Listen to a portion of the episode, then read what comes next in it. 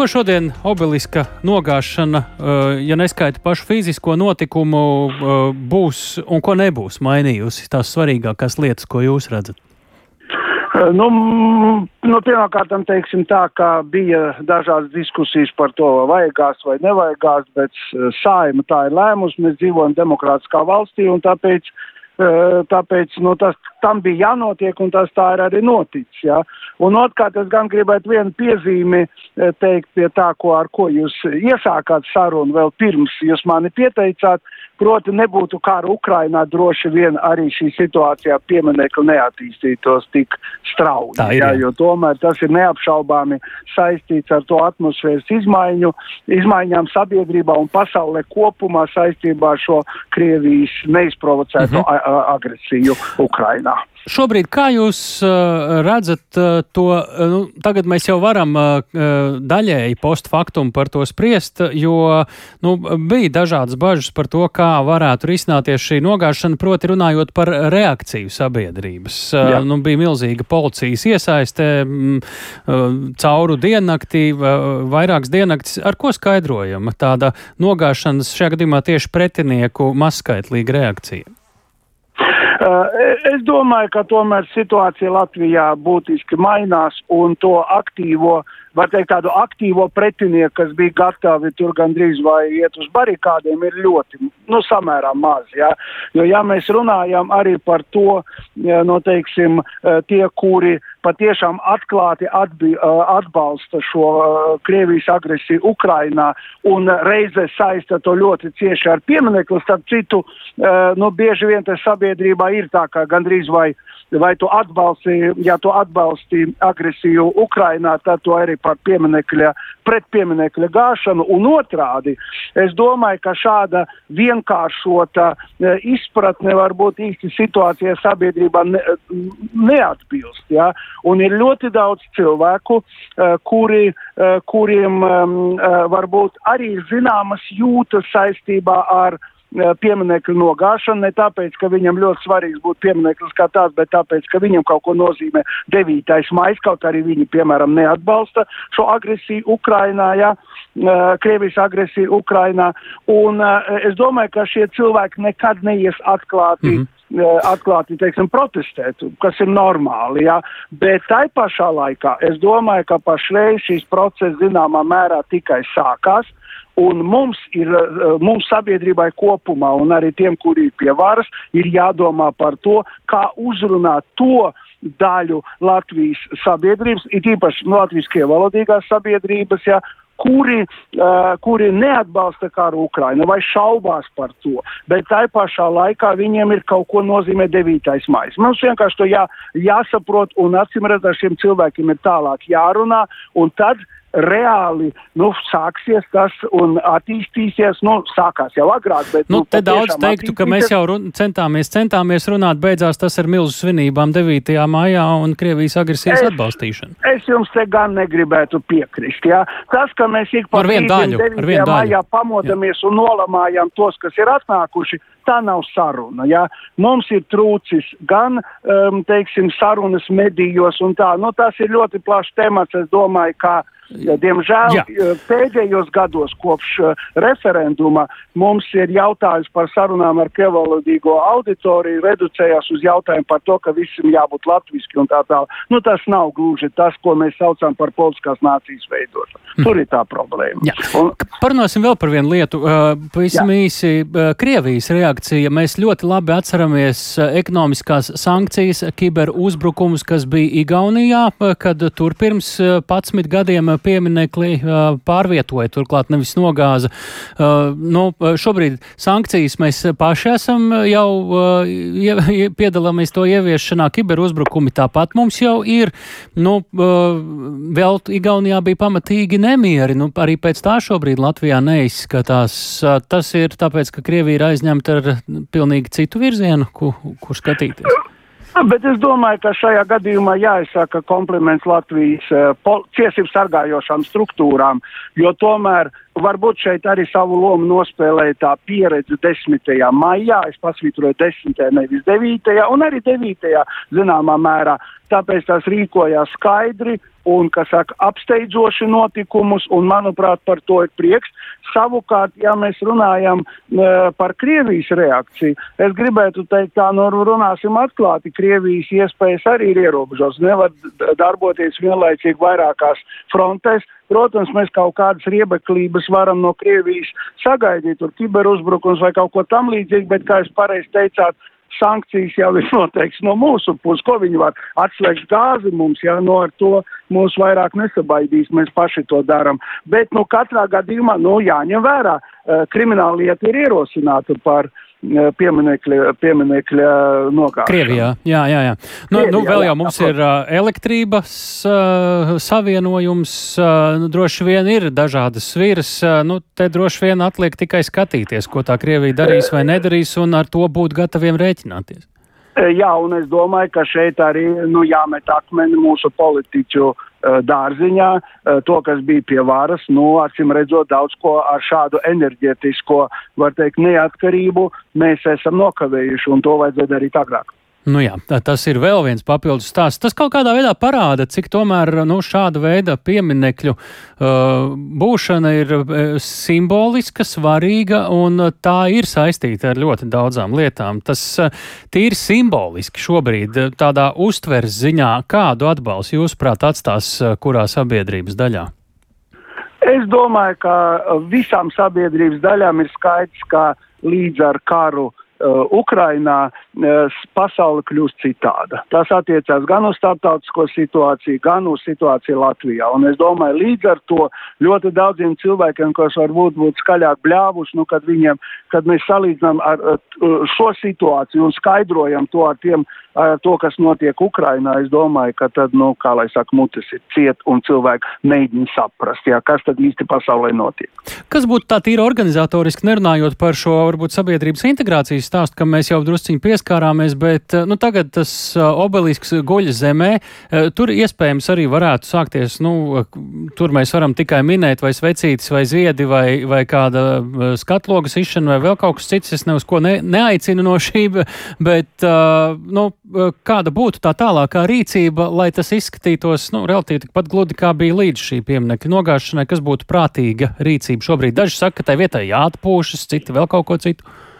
Ziniet, eh, mans viedu, man ļoti patīk viens priekšlikums, kas izskanēja, nu, manuprāt, Twitterī es redzēju, jā, ka šai vietā ar lielu steigu ir jābūvē uh, Latvijas, eh, kas saka, nacionālais stadions, jā, un tas nacionālais stadions, teiksim, sporta sacensības var, var, var kļūt par ļoti spēcīgu faktoru, kas vieno dažādu tautību cilvēks Latvijā. Vai kaut kas cits vienojošs, bet ar uzsvaru uz vienojošu. Bet stadions ir ļoti laba lieta, ziniet. Turklāt vajag to stadionu un mūsu politiķiem jāatpogā maki un jāsaka jā.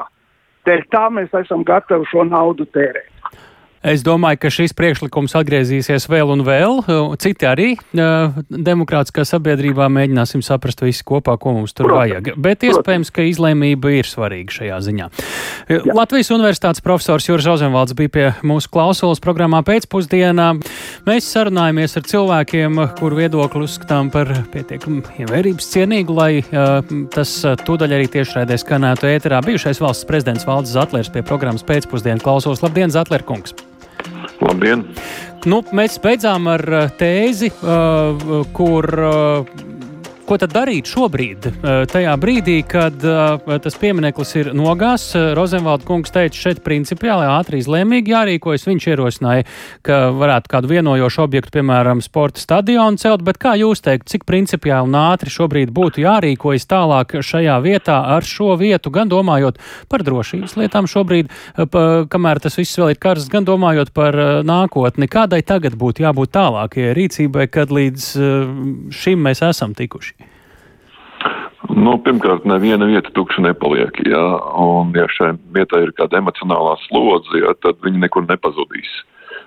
Tāpēc, manuprāt, tieši konkrēti par pieminiekļa nojaukšanas būvlaukumu tiešām būtu jārīkojas, bet būtu jārīkojas saprātīgi. Iedomāties, ka sporta stadions ja, atrisinās problēmu, domāju, ka tas tusk ir naivi.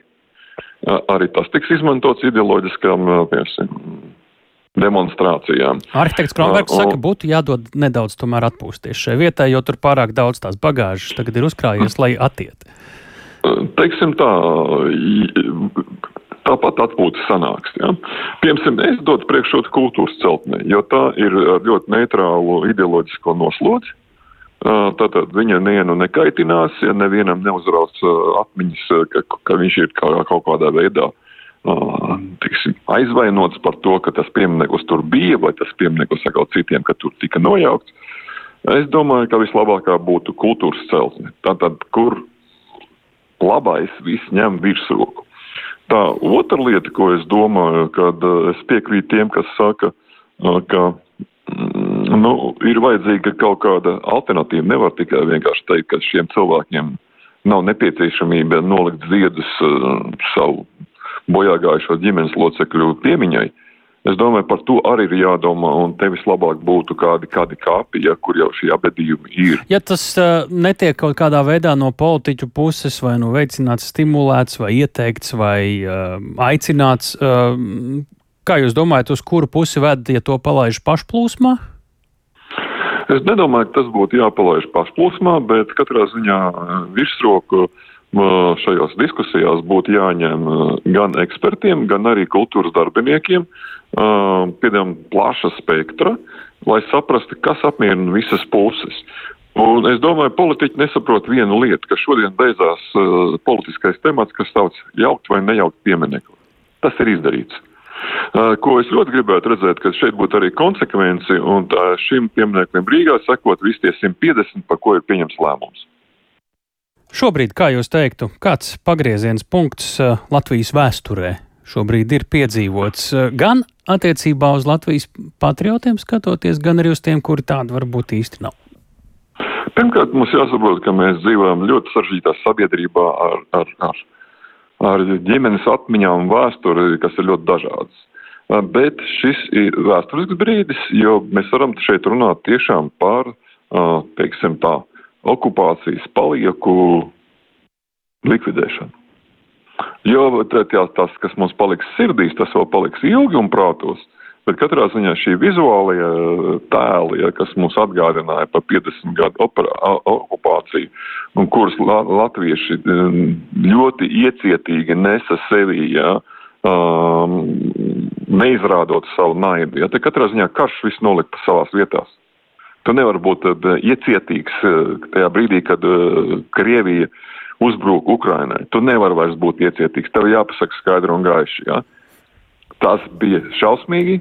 Mēs to neesam aizmirsuši, bet mēs esam gatavi pielikt šodien punktu, novācot visus, teiksim, mm -hmm. padomju okupācijas pieminekļus. Nu, tiem, kuriem ne īpaši patīk šāds process, koš, kas šodien notika, ka, ko tas maina viņu apziņā, jūsuprāt, vai Redziet, reāli? Nevis, šeit, kas būtu jāmaina, bet kas notiek reāli, jūsuprāt? Pirmkārt, es noteikti piekritīšu Urbanovičam, kurš teica, ka par to jāizturās filozofiski un, un, un, un kas ir ar vēsturisku nozīmi. Tātad mieru tikai mieru, bet mums ir jāsaprot arī, kas, kas ir jāpārdzīvo to cilvēku prātos. Jā. Šobrīd tāda, tāda, tāda tāds nosaukums kā, piemēram, Krievu karavīrs vai, vai padomi karavīrs. Ja? Ar to ir ļoti grūti lepoties, ja šī, šie karavīri šajā brīdī uzbrūk Ukraiņas valstī un nogalina. Mm. Tāpat, ko darīt ar šīm kara laika dziesmām, kas šai, šai sabiedrības daļai Nu, viņas vienkārši dzied, tāpēc, ka viņas ir melodiskas un, un, un patīkamas, ja, un dod kaut kādu kopīgu. Un ļoti aizskaroši citai sabiedrības daļai, jā. Es pat domāju, ka uh, tas ir mazāk aizskaroši, ja, ja to dara savā lokā, ja, un, un, un neizrāda to, piesim, publiski kā izaicinājumu. Ir ļoti daudz jautājumu, kas, kas ir ļoti sarežģīti arī Latvijas krievu, krievu cilvēkiem. Iekš, iekšpusē vienam pret otru. Viņiem jā. vajadzīgs laiks eh, drusku, kas saka, pārdomāt, tālāko dzīvi pašiem ar sevi. Jā, it kā, no, kā 30 gadi bija doti, bet, nu jā. Labi, man vēl viens jautājums, ko tieši jums gribu pajautāt. Jūs aktīvi darbojaties brīvības pieminekļa izgaismošanas projektā, esat teicis, protams, nevienu vienu uzrunu dažādos statusos pie tā. Okupācijas piemineklis bija kā tāds pretstats brīvības piemineklim pretējā Daugavas krastā, vai šī okupēkļa krišana kaut kā atbrīvo no kāda sloga mūsu galveno brīvības simbolu, vai to kā citādi maina jūs prāt? es, tik zemu nevērtēju mūsu brīvības pieminekli, mūsu brīvības uh, simbolu. Viņš stāvēja vienmēr pāri visam un nekas nespēja ietekmēt to uh, emocionālo uh, lādiņu, kas viņā bija, ja, un vēl jau mazāk tāds piemineklis, ja, ko tauta nemīlēja. Tieši tik vienkārši. Nu, nevajag novērtēt par zemu, un tas simbols ir visspēcīgākais, jo tas nāk no saknēm, no zemes. No Bet šis duets no tagad pretrunīgais ir izjaukts ar šodienu. Es domāju, ka viņš pat nebija pretrunīgais. Ļoti daudziem, kas saka, mūsu naidniekiem liktos, ka, ka tas bija pretrunīgs. Nē, viņš vienkārši tur bija kā pārpratums. Jo neaizmirsīsim, ka tā vieta īstenībā ir no, ļoti slikta aura. Jā. Nu, būvēt tādu ir, pie, piemiņas vietu, jā, nu, nu, vietā, kur tika kārti vācu armijas virsnieki, nu, nu, to var tikai neprātīgi darīt. Jā. Liels paldies! Lemts jau tādām liktenim, kāds viņam ir. Tā valdes Zatlers, bijušais valsts prezidents, Latvijas radio viens radījumā pēcpusdienu rakstniece un publiciste Marina Kostaņēcka pie mūsu klausos. Labdien! Labdien! Nu, šodien te mēs varam šo, šo datumu ierakstīt trīskāršu kalendārā. Šodien uh, gada diena, ja nemaldos, vai ļoti tuvu tam Ļeņina pieminekļa nogāšanai Rīgā. Jums ir dzimšanas oh, diena. Uh -huh. Daudz laimes. Vismaz jā, Sandra Kalniete teica, ka 25. Paldies. augusts, nu un šodien arī jā, tam piepulcējas jā, šis notikums, kas attiec uz uh, obelisku nogāšanu uzvaras parkā. Kādas ir jūsu sajūtas? Nu, man sajūta tāds, ka tādu dāvanu savā dzimšanas dienā es nevarēju gaidīt, jo visu laiku Rīgas doma turēja noslēpumā, kādā īsti datumā viss tas notiks, jā, un tā, ka pirms pāris dienām tas sācies, es sekoju tam visam līdz, bet nezināju līdz pēdējiem brīdim, ka tieši manā dzimšanas dienā tiks pieliks punkts. Un tāpēc es uzskatu, ka tā ir nu, valsts dāvana man personīgi manā dzimšanas dienā, tāda sajūta, jā.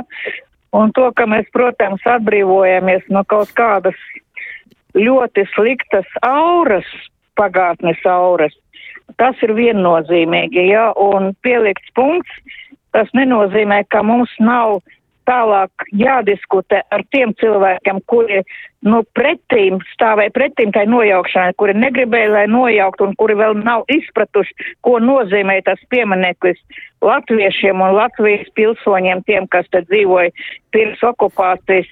Uh, ar tiem cilvēkiem ir jāturpina runāt mierīgā, mierīgā kaut kādā varbūt uh, tonī, un varbūt šobrīd mums būs pat vieglāk runāt nekā tad, kad tā sabiedrība tika šķelta 9. maija vai tur uh, 16. martā, jā, ja, vienmēr tika ļoti asi šķelta.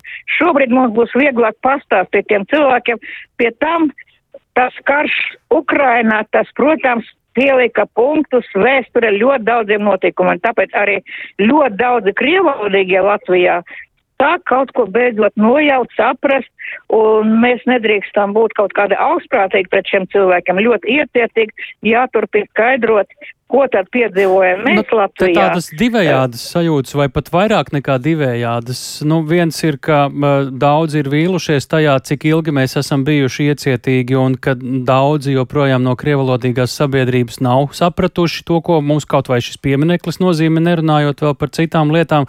Tajā pašā laikā nu, mēs esam guvuši arī mācību no neatkarības, sāk, neatkarības sākuma gadiem, kad uh, daudzi savukārt bija uh, krievalodīgie, kuri sirsnīgi atbalstīja Latviju. Latvijas neatkarības ideju, bija vīlušies atkal Latvijas uh, valsts lēmumos. Uh, Kā, ko jūs, jūs sarunājaties ar abām sabiedrības daļām? Kā jūs redzat, kurš ceļš tad šobrīd būtu tas ejamākais? Es tieši to arī uzsveru, ja, ka ar tiem cilvēkiem, kuri nav pieņēmuši šodien nu, notikumu Latvijai, kas bija svētki, teiksim, latviešu daļa sabiedrībai un lojāliem krieviem, eh, tai, tai sabiedrības daļai nedrīkst to bakstīt acīs, ka jūs esat eh, tādi un šitādi un jūs neesat lojāli. Ļoti pacietīgi ir jāturpina skaidrot visu un nedrīkstam uzkāpt vēlreiz uz tiem grābekļiem, kas notika atmods laikā, tad, kad daudzi krievalodīgie bija barikādēs, tad, kad pilsoņu komiteja bija izsludināta aicinājusi, ka visiem, kas tur pieteiksies Dienasrūtas baznīcā par pilsoņiem, topošiem pilsoņiem, brīvai Latvijai, ka Latvija būs brīva, ka tur bija vismaz 30 tūkstoši parakstījušies arī krievalodīgie, kuri toreiz riskēja ar ļoti daudz ko. Viņi gan zaudē darbu. Toreiz vēl bija taču tomēr tā Latvija. Ko jūs teikt tiem, kur ir vīlušies šajā pacietīgajā pieejā tomēr jā, kaut kādā jā. veidā? Saprotat, viņi bija vīlušies ļoti, un viņiem bija pamats vilties. Uh, Latvijas lojālo cilvēku pusē, kur ir? Latviešu, es tiešām latviešu par, latviešu par tiem, kas bija ļoti lojāli Latvijai. Zināt, es cienu tos krievalodīgos, kuri pēc tam atteicās kārtot pilsonību. Ja? Daudz skarbāk es izturos pret tiem, kuri tik viegli pārmeta ādu otrādi un aizgāja nu, nosacīt, teiksim, mm. Ždanoka nometni. Jūs tam tas aizvainojumu lielo. Tāpēc es saku, šobrīd Latvijas sabiedrība nedrīkst uzkāpt uz tiem pašiem grābekļiem. Un jāuzskata, ka tie krievi, kas dzīvo šeit Latvijā, tie ir Latvijas krievi, jā. Ja? Un jāmēģina viņus pārliecināt mierīgi, nevis ar kaut kādu tur likumu pieņemt, ka visiem krieviem jā, jārīkojas tā un tā, jājūtas tā un tā. Ar likumu mēs neko nevarēsim panākt, jā, ja? bet ar iecietīgu paskaidrojumu par vēstures notikumiem, tas, ka šobrīd ir ļoti liels emocionāls pārdzīvojums vietējiem krieviem redzot to, kas notiek Ukrainā, un kas ar to prizmu sāk saprast, kas tad notika Latvijā 40. gadā un vēlāk, ja, tad, nu, uz tā toņa mums arī jāturpina ar viņiem ļoti nu, normāli sarunāties, jā, nevis kaut kādu svinēt tikai savu uzvaru par viņu, par viņu uzskatiem. Jā? jā, šobrīd mums vēl ir pusminūtīte, kā jūs teiktu, kas notiks pēc gada 9. maijā, ko iesākt ar to Latvijas varas iestādēm, ko cilvēkiem, ko, kuri to svinēja līdz šim? Latvijā. Es domāju, ka ļoti labi Zatlerkungs pateica, ka ir jāatrod risinājums, kā apmierināt abas puses, jā, jo, protams, tajā vietā varbūt tani brīdi jau sāks celt kaut kādu kaut vai kultūras iestādi, ja, kur šodien tik nojauts piemineklis, bet to, kā gribēs pūtēties kaut kur 9. māja cilvēki ne tikai savā virtuvē pie, pie šnabe glāzes, ja, nu tas ir viennozīmīgi un varbūt jāatrod kaut kāda alternatīva, kur tiešām apmierināt arī tos, kas svina tos svētkus, ja, bet nevis svina, bet lai piemin, kā Jā šēru dienu, ja? Varbūt kaut kur pie kapa pieminekļa kaut kāda nozīmīgā, mm -hmm. arī kur ir padomju karavīra apglabāta. Paldies rakstniecei publicistē Marinai Kostaņeckai programmā pēcpusdiena mums uh, rakstā arī klausītāju, arī tā tad, uh, manuprāt, šajā laukumā vajadzētu ierīkot Eiropas parku, lai nav katru gadu 9. mājā jādrūzmējas Vērmaņu parkā, Nacionālā stadiona celtniecība būtu dziļi simboliska, un jau bija līdzīga ideja, tā vēl uh, kāda klausītāja vārdā Alise, lūk, tā mūsu klausītāja.